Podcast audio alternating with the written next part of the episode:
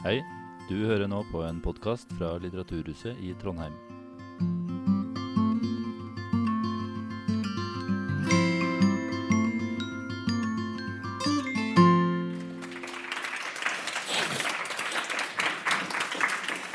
Takk skal du ha for det.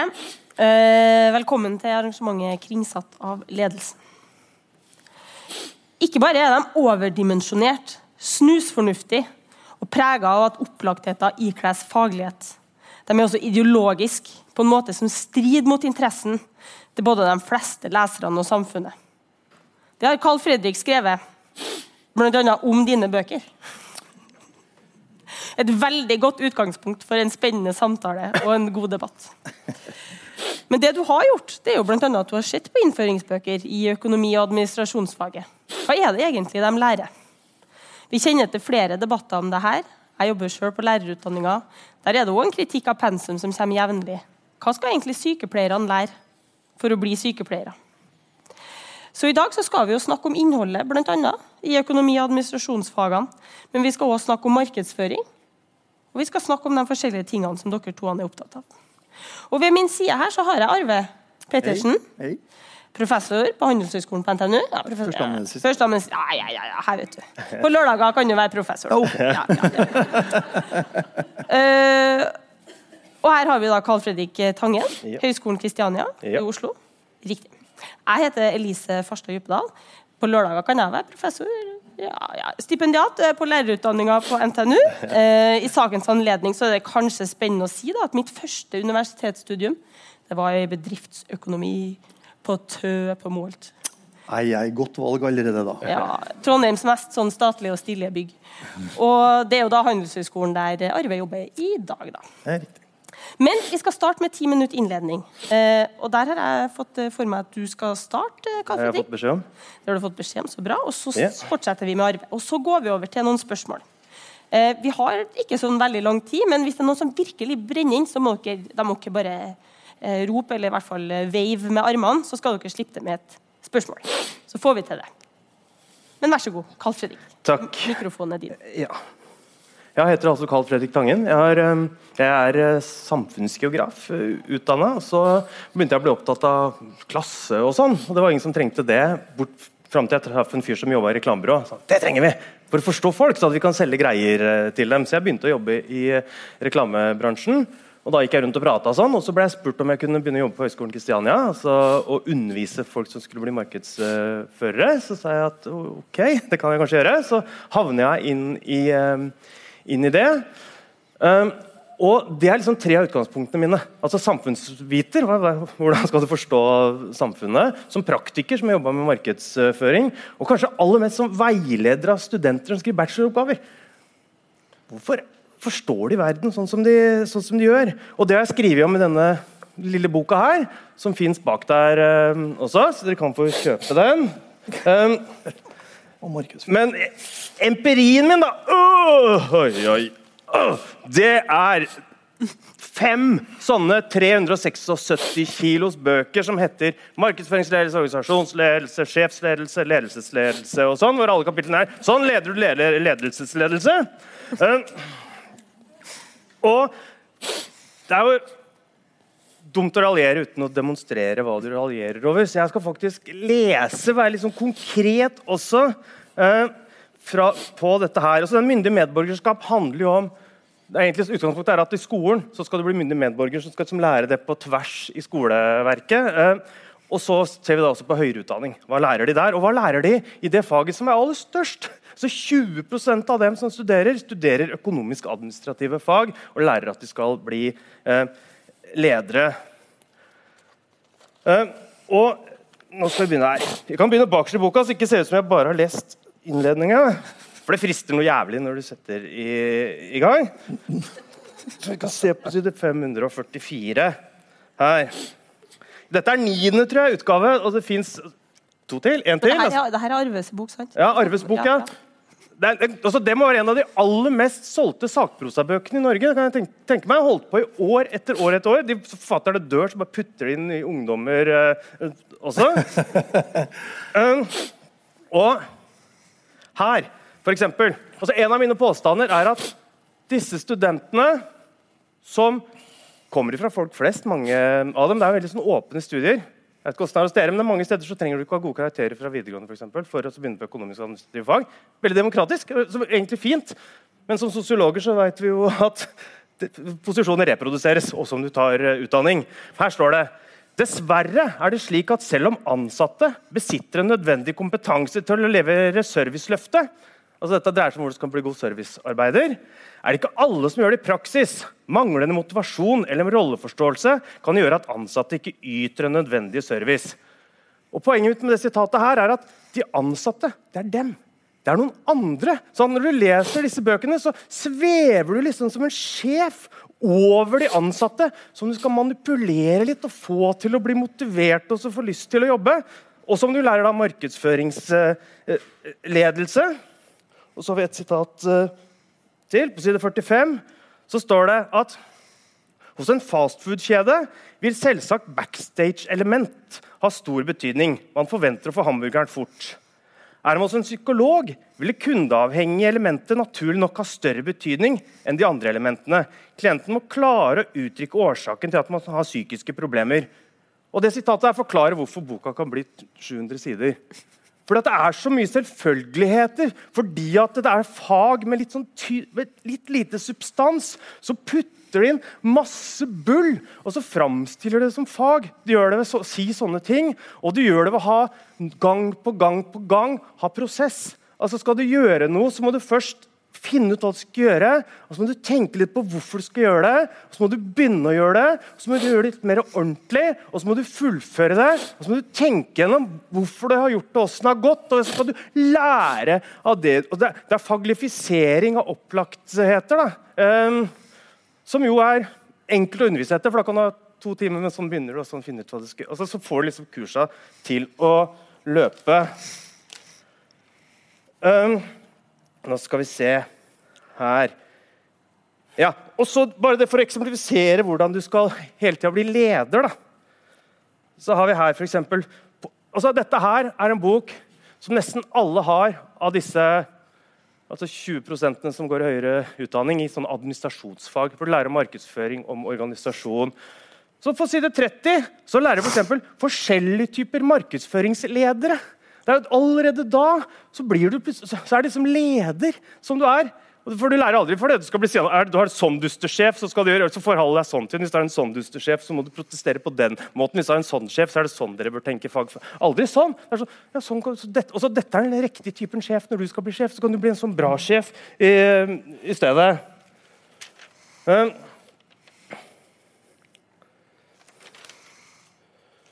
og de faga her Dette er jo litt sånn beskytter mitt eget fagområde. Så det er kvasi samfunnsfag. De framstiller seg som samfunnsfag uten å ha ordentlig samfunnsvitenskapelig bånd. I den grad de har noe, så har de litt sånn poppsykologi. Uh, altså Kahneman og Tversky, eksempel. Altså, de tar et eller annet som er veldig sånn i, i, i tida.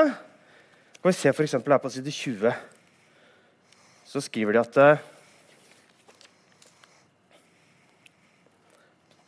Vi skal ikke ha det på side 20 enda, vi skal ha det på side 22. Du må passe på jukselappen. Nei, vi tar side 20. Så skriver de at ved diskusjoner i radio, TV og innlegg i aviser og tidsskrifter og sosiale medier sosiale medier tror jeg de har lagt på de siste årene for å bli moderne, får man ofte inntrykk av at samfunnet og næringslivet står i et motsetningsforhold. Det hevder bl.a. at bedriftene ensidig er opptatt av fortjeneste, og at de neglisjerer samfunnets interesser. Med unntak av noen få tilfeller av direkte uetisk og lovstridig bedriftsledelse vil vi hevde at det er en misforståelse. Altså det er veldig sånn, Næringslivet er det viktigste ved livet, og det er moralsk riktig, bare de får litt grann moralsk kor korrigering. Så at de er, på, de er ikke på studentenes side. De er på næringslivet, som skal få disse her som ansatte, sin, um, sin side. Som jeg syns også er, er problematisk. Um, og så Hvis vi ser på side 57 her i de senere åra for Det er jo litt problem med næringslivet, for det kan være litt uetisk. I de senere åra har både teoretikere og praktikere spurt seg om markedsføring blir gjennomført på en tilfredsstillende måte. Mange mener at deler av næringslivet tenker for kortsiktig ved at siktepunktet er å maksimere forbruket. I de senere år altså Jeg har jo lest mye sånn forbrukskritikk og forbruksdiskusjon. Altså, dette her var en diskusjon da kapitalismen begynte. Det, altså, det var en kap da Vance Packard kom med The Hidden Persuaders i 1957. Det var viktig for 68-erne og kritikken av markedsføring. og hva det, altså, så studentene blir veldig historieløse. og det, som, altså, At det plager meg som veileder da, hva de har lært. For jeg får dem si at Før så kjøpte folk ting. Nå kjøper de mening i varen isteden. Altså, all sånn antropologisk og sånn forståelse blir borte i disse bøkene. Eh, og så, for å for, forsterke det der, at det er noe skummelt som de gjør med folk som skal ut og bli arbeidere. Så kan vi se her På side 80 så står det at eh, bedrifter er nødt til å omstille seg. Myndighetene må sørge for å føre en omstillingsvennlig politikk og i begrenset grad la seg manipulere av pressgrupper til å føre en kortsiktig strategi der man holder liv i næringer uten framtid, slik som Donald Trump kunnskapsløst forsøker å få til i USA. Jeg tror Det står tre steder at Donald Trump er kunnskapsløs i denne boka. her. Du må, det står et eller annet sted Når du kan kalle andre for kunnskapsløs, så må du jo være veldig kunnskapsrik uh, sjøl. Men de, den derre altså, hva lærer du da som student? For er, altså, jeg bruker denne boka, men det er gjennomgående i bøkene at omstilling er viktig. Noen er omstillingsfiender. Du må alliere deg du som er leder da, med noen av de ansatte, sånn at de kan bli støttespillere i de endringene som skal, uh, som skal foregå. Sånn som Ros skriver i den strategiboka boka si. Altså, burde det ikke stått at Bedrifter de skal tyne deg. De vil tjene så mye som mulig ut av arbeidet ditt. Og når de er ferdig med deg, så vil de kaste deg ut. For å forhindre det, så må du må huske at du er svak opp imot, uh, opp imot sjefen din. Du må fagorganisere deg. Dette er lovverket som ligger til grunn for at du skal gjøre det. Dette er lure strategier for å få gjort det. Altså, dette her er et pensum, og jeg tror også det er studiesteder, som ikke er på elev, altså studentene sine, sin side. Hvor lenge har jeg holdt på nå? Du har ett minutt igjen. Et minutt igjen, ja. Bra du spurt. Da skal jeg slutte å sitere her, så skal jeg bare si hva skal vi gjøre. Altså, vi trenger et sånt for dette er viktige temaområder. Det er jo sentralt for alle som skal administrere samfunnet. og lære disse greiene her. Jeg er for studiene, jeg er veldig opptatt av studieobjektet, og jeg er veldig glad for at det skrives bøker på norsk. Det er viktig å få norsk fagspråk og sånn. Um, du må tenke på at du skal gjøre studentene myndige ikke, altså ikke gjøre studentene lydige i arbeidslivet. Eh, må tenke på samfunnets interesse om demokratisk opptatte eh, elever, ikke på næringslivets interesse sånn eh, snevert. Eh, det er veldig lite som er norsk i de norske bøkene. Altså Kotler skrev en lærebok i markedsføring i 1967. Hvis du går inn og ser på innholdsfortegnelsen der, så er det veldig likt veldig likt tematisk. Og sånn, og så puttes det på samfunnsansvar og så digitalisering og så sånne ting som liksom tida bringer. Men stammen er lik allikevel. Og da forsvinner jo sånn det norske trepartssystemet og masse sånne ting som har vært viktige. Det er kanskje ikke at en markedsføringsledelsesbok ikke har det. Jeg kan skjønne, altså, det er ikke bare den boka. men det særskilte norske blir ganske så, ganske så borte. Kanskje er det det som bidrar til at du kan ha få sånn dagligvaremonopol i Norge. For eksempel. altså Disse faga som burde tatt for seg hvordan dagligvaremonopolet kommer fram, er ikke kritiske nok til det som foregår i, i samfunnet. Og så snakker de om innovasjon fordi det kommer. Og de er så lite innovative! Altså, De klarer ikke å se utover hva liksom, dette frie markedet skal uh, altså Både i form og i hva de bidrar med av kunnskaper. Um, så nå er jeg ferdig. Mm. Jeg syns at altså, disse temaområdene de er skitviktige. De blir behandla på helt gæren måte. Det trengs en revolusjon i utdanningssystemet for disse 20% av studentene. Så de skal, som må bygges ikke trengs ikke innovasjon, det trengs revolusjon for at de skal bygges opp helt fra bånda. Takk skal du ha.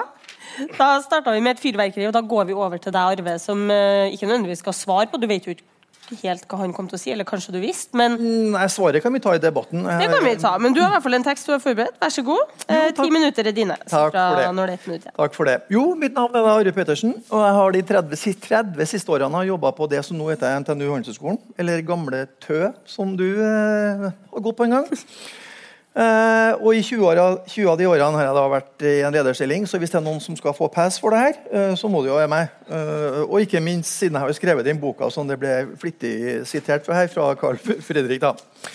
For å understreke det med en gang, Dette er jo et kjempeinteressant tema. da. Og det er jo en gang slik at Siden Enron-skandalen i 2001 så har det jo vært relativt skarp kritikk mot handelshøyskoleutdanninga som sådan. ikke bare i USA, men også i Norge som sådan. De siste tre årene har vi da sett en eksistensiell økning, eller unnskyld, eksponentiell økning i antall publiserte artikler. Så vi er nok ikke sånn at vi ikke vet hva vi holder på med. og hva du er opptatt av. Hva er antall artikler som kritiserer? Eh, det, du skal få den etterpå. Jeg, ja, jeg skjønte ikke hva du mente. Altså at det har vokst antall artikler antall artikler om et tema? Eh, skal vi ta det etterpå? Okay. Mm, så får jeg snakke ferdig først. Den er grei. Eh, jo da, eh, og det er nå engang sånn at eh, Hvis man vil ha en populærvitenskapelig kiosklitteraturmåte å gjøre det på, så kan man jo lese den eh, boka fra, fra, Parker, som er 'Shut Down the Business School', som også retter mye av samme kritikkene. Eller man kan gå enda grunnere til verks og se på denne boka her fra Kurana, som kom i 2008, som da går gjennom hele vår profesjonsutvikling og stiller en del spørsmålstegn rundt med nettopp på samme måten som du gjør, hva vi faktisk eh, underviser. da. Det er viktig for meg å presisere at Det du fokuserer på, det er den stadig pågående debatt hos oss ved NTNU eh. Eh, for to år siden da jeg var instituttleder, så initierte jeg for et strategiseminar som hadde følgende tema. Eh, hva hvis vi skulle lage en økonomiutdanning helt på nytt? Hva skulle vi gjøre da, uten å ha NOKUT, som du kjenner til, som, som bakgrunnsteppe? Men dessverre så satt da pandemien en litt stopper for det. Og det har ikke blitt blåst liv i på, siden da. da.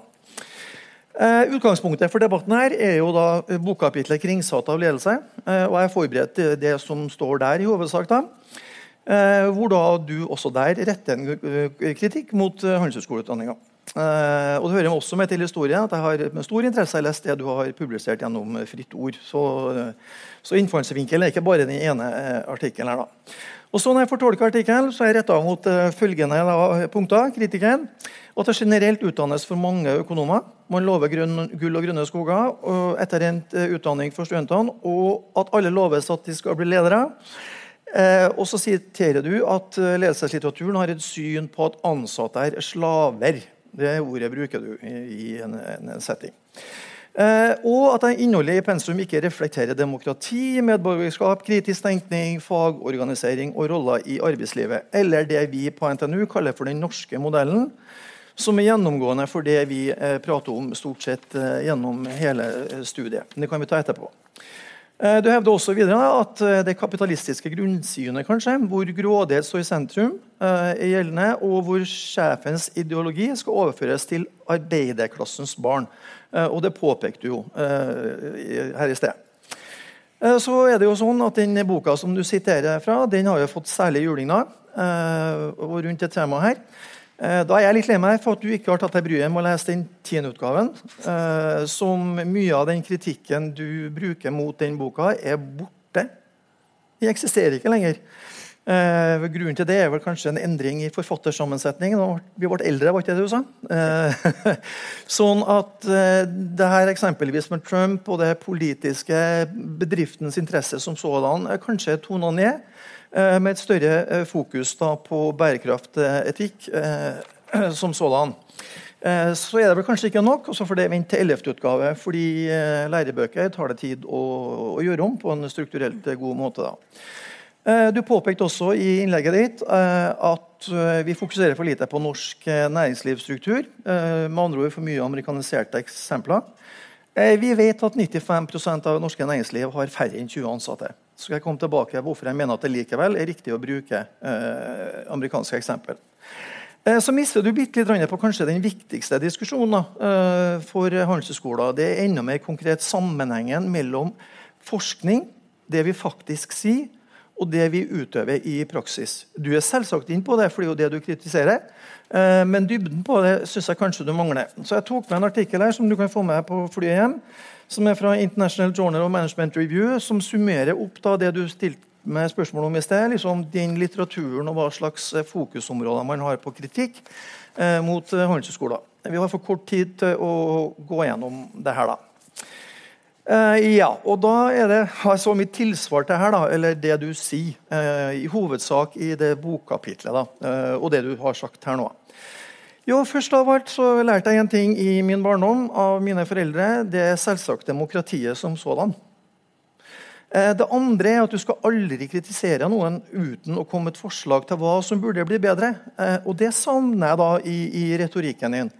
Eh, du forteller at vi er helt håpløse på alle mulige måter, men du forteller ikke hva vi skal gjøre isteden. Uh, og Vi prøver å tenke på det, bare så det er sagt, så skal jeg prøve å komme litt uh, tilbake til det. da.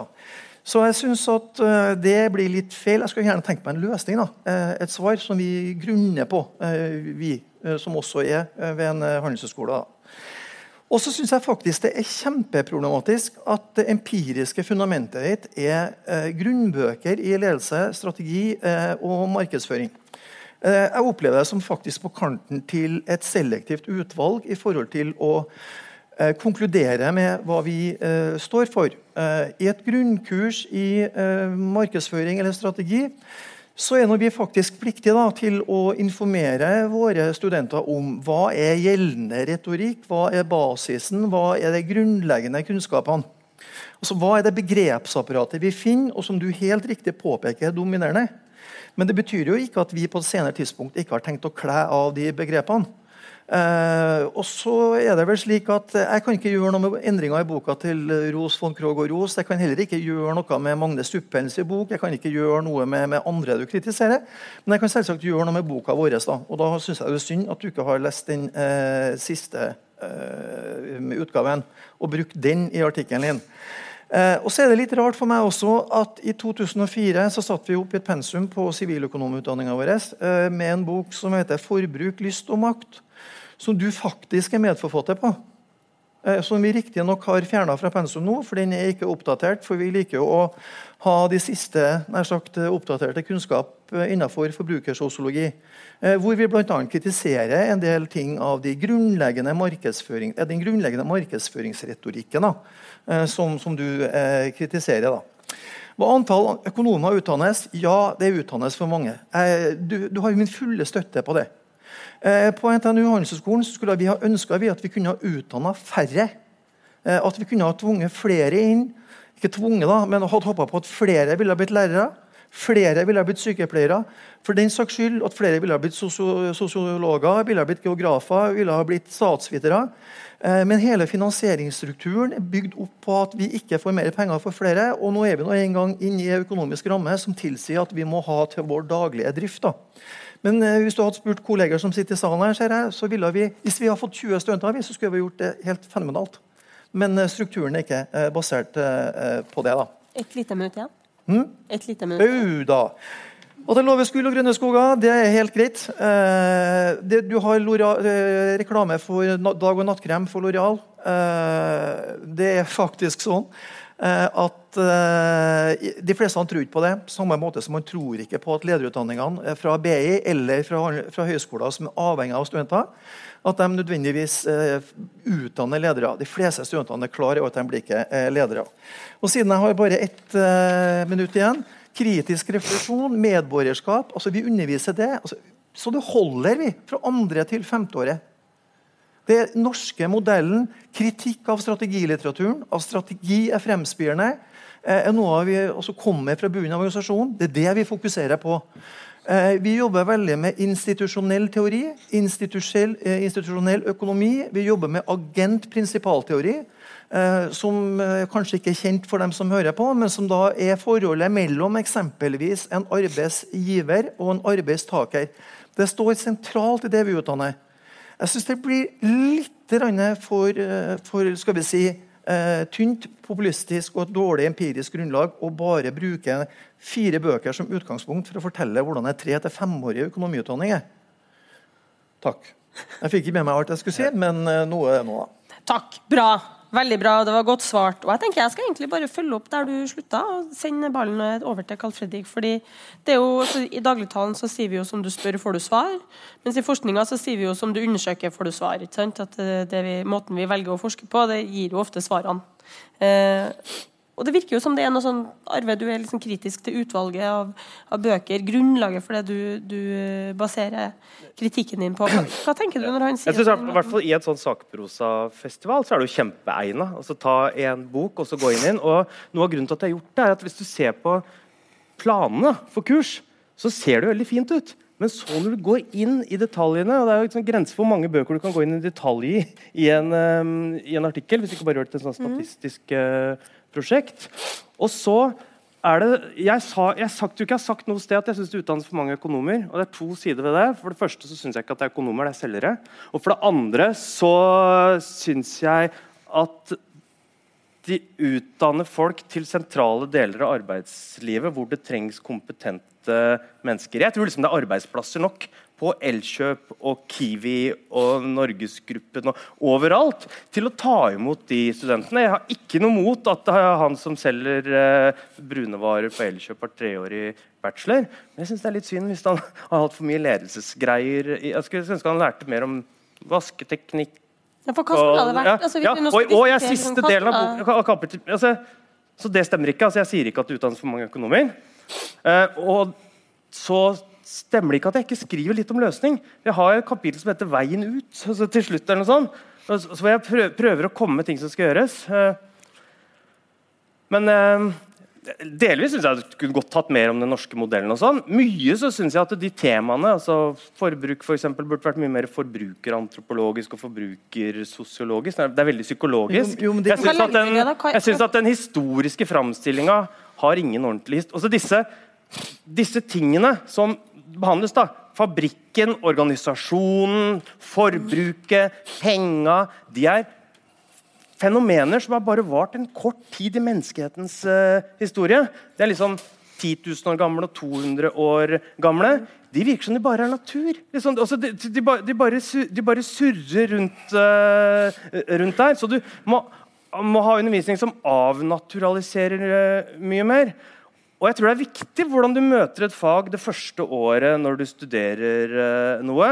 Og veldig mange av de bachelorstudentene som jeg får, da, vet hvor mange er det som jobber med sånt her? Altså, hvor mange grupper er det ikke som bruker Maslows behovshierarki når de skal, som når de skal lage altså forklare hvorfor folk forbruker, og lage segmenter og kategorisere varer og sånn? Altså, det er noen ting som sitter igjen. Ja, men- og så er det andre ting dere kan si at dette her, dette, dette her gjør vi. Og mye av det som sitter igjen, er det som er litt gærent. Og det kan jo ikke Det er ikke så smart, og andre fag gjør det ikke.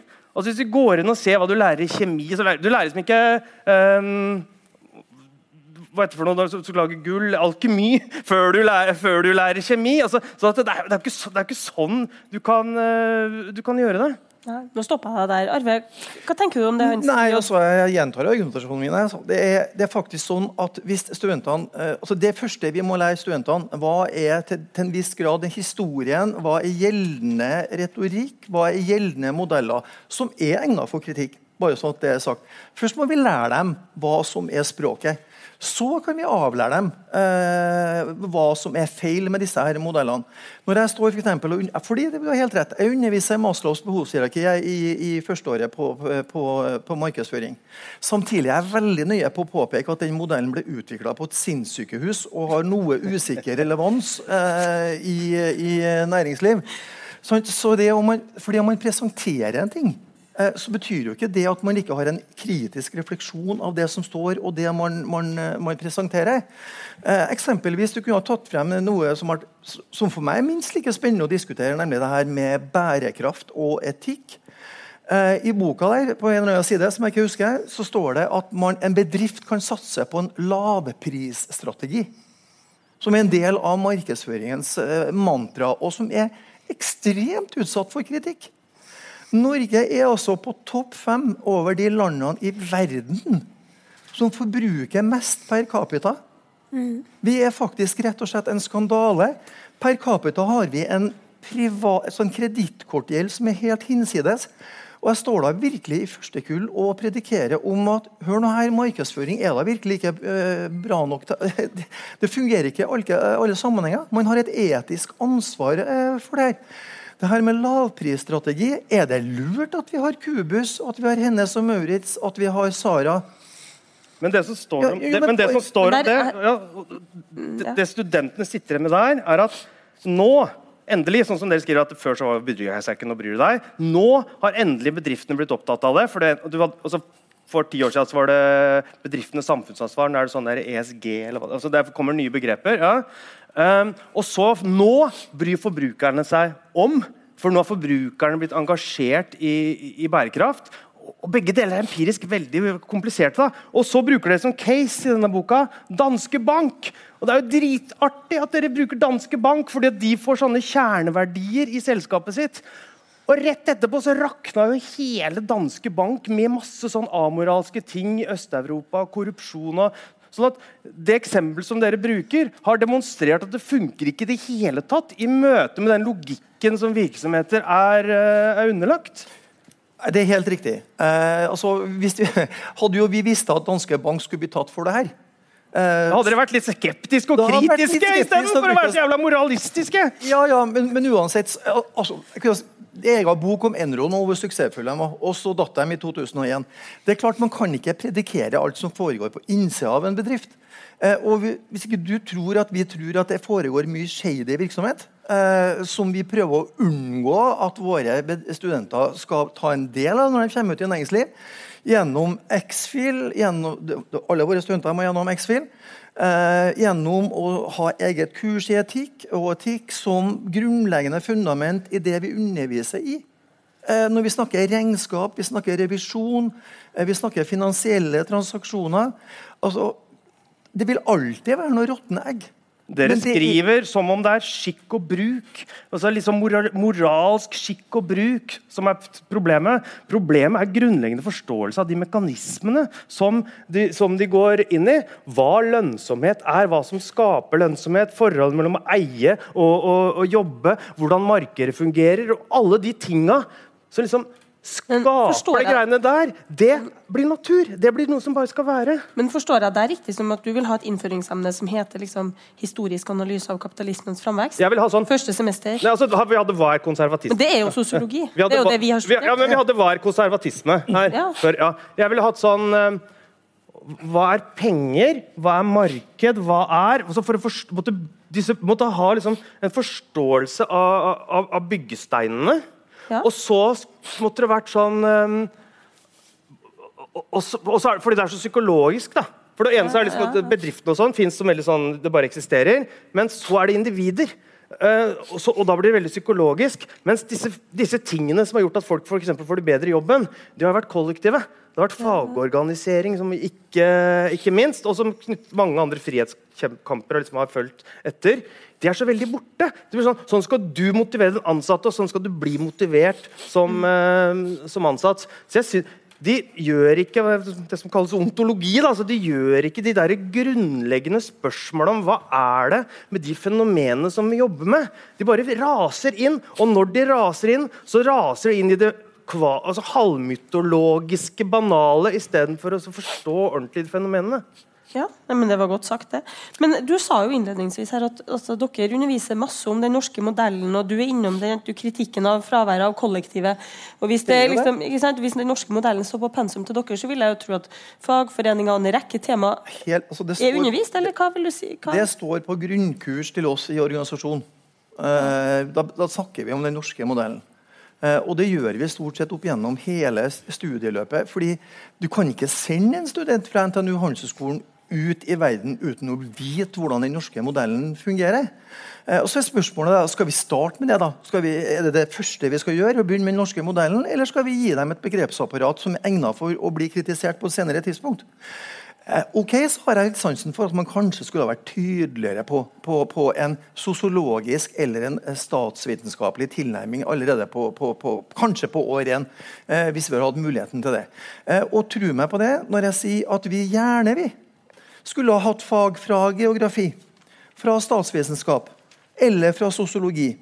Eh, og så skal man aldri skylde på andre, men verden er faktisk så vanskelig i universitetssystemet at hvis vi sender 300 studenter vi, på ett kurs på statsvitenskap 300 studenter, og alle står til eksamen, så har vi 800 000 kroner mindre i bevilgning på et år.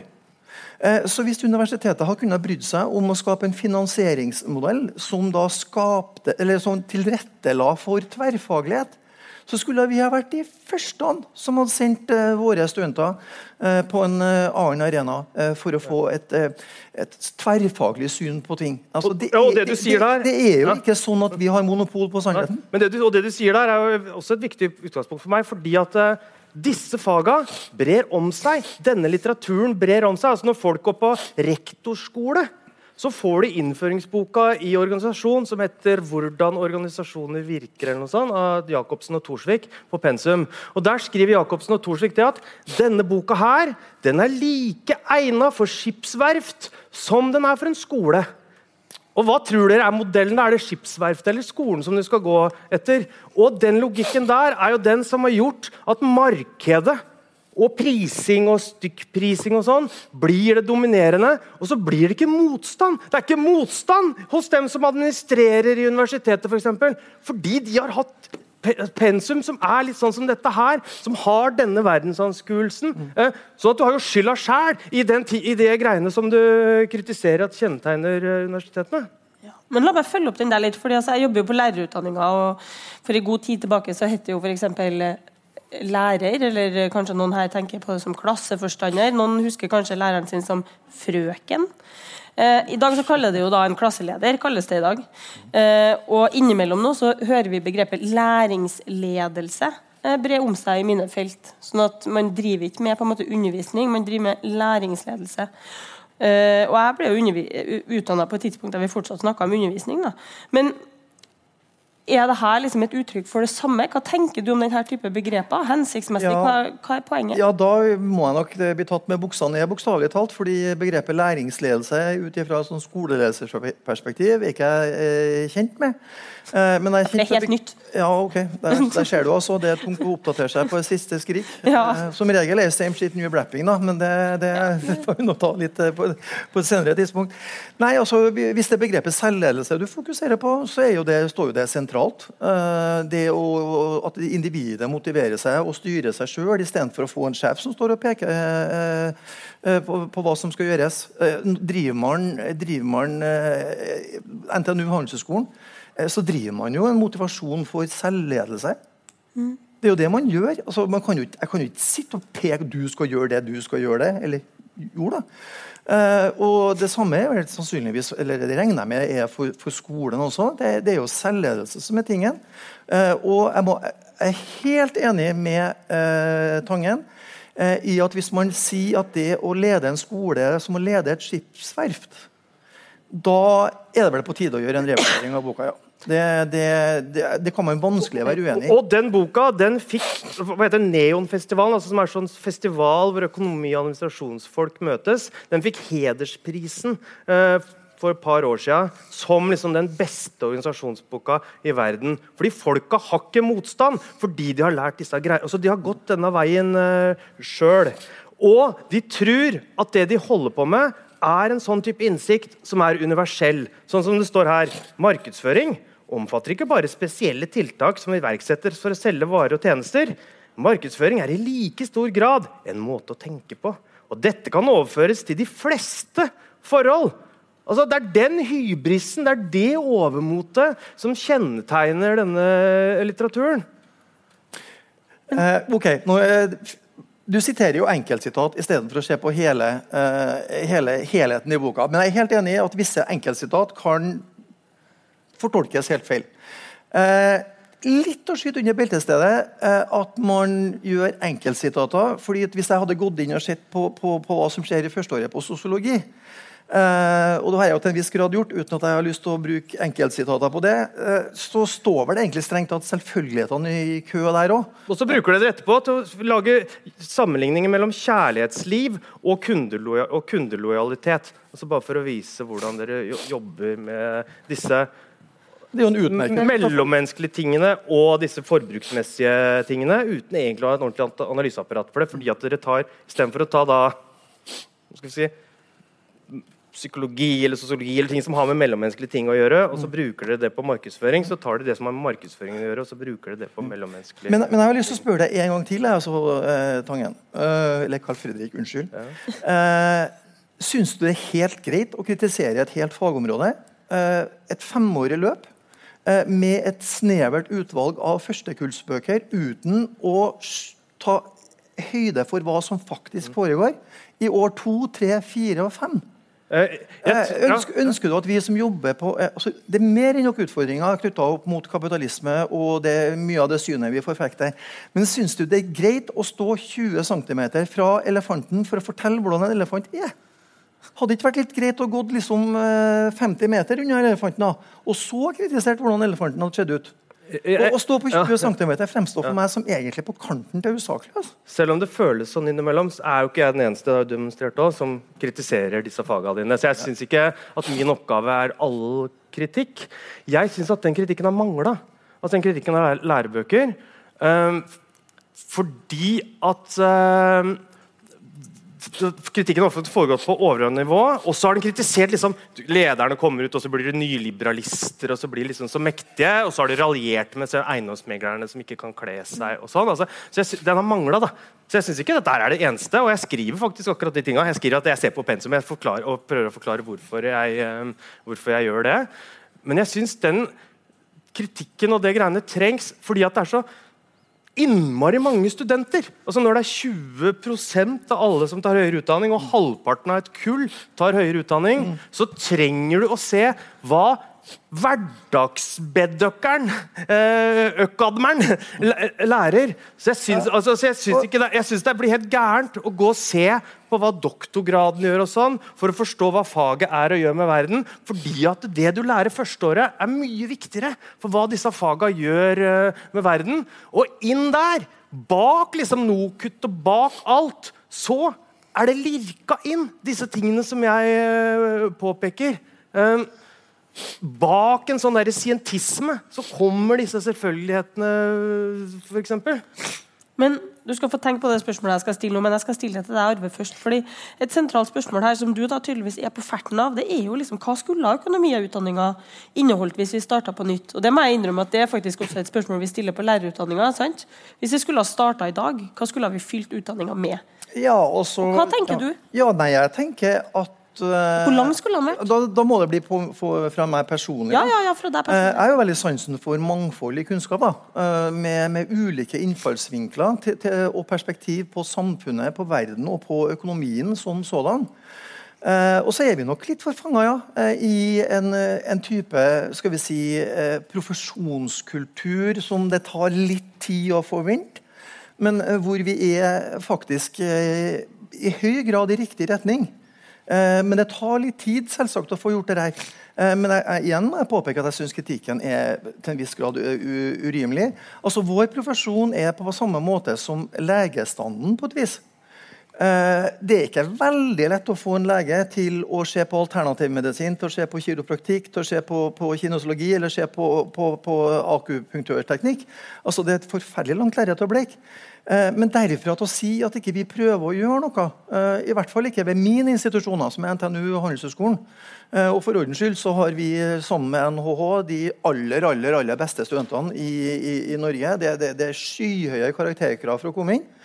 Og vi har innlysende nok et ansvar da, for å lære våre studenter noe annet enn at månen er en grønn ost, liksom, og få dem til å tro på det.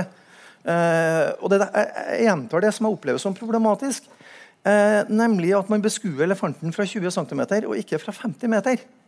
Eh, For da hadde man kanskje ville vært litt mer nyansert i forhold til det vi lærer, om demokrati, eh, lærer bort om demokrati, da, som er viktig her. Eh, Ikke minst det vi lærer bort om sirkulær økonomi, om institusjonell økonomi, om institusjonell teori, eh, om agent-prinsipalteori. Så for meg blir det litt sånn fint Det skåres noen noe lettvinte poeng på en lærebok på 700 sider, hvor mesteparten er tatt bort nå, nettopp fordi vi har gjort en kritisk gjennomgang av den.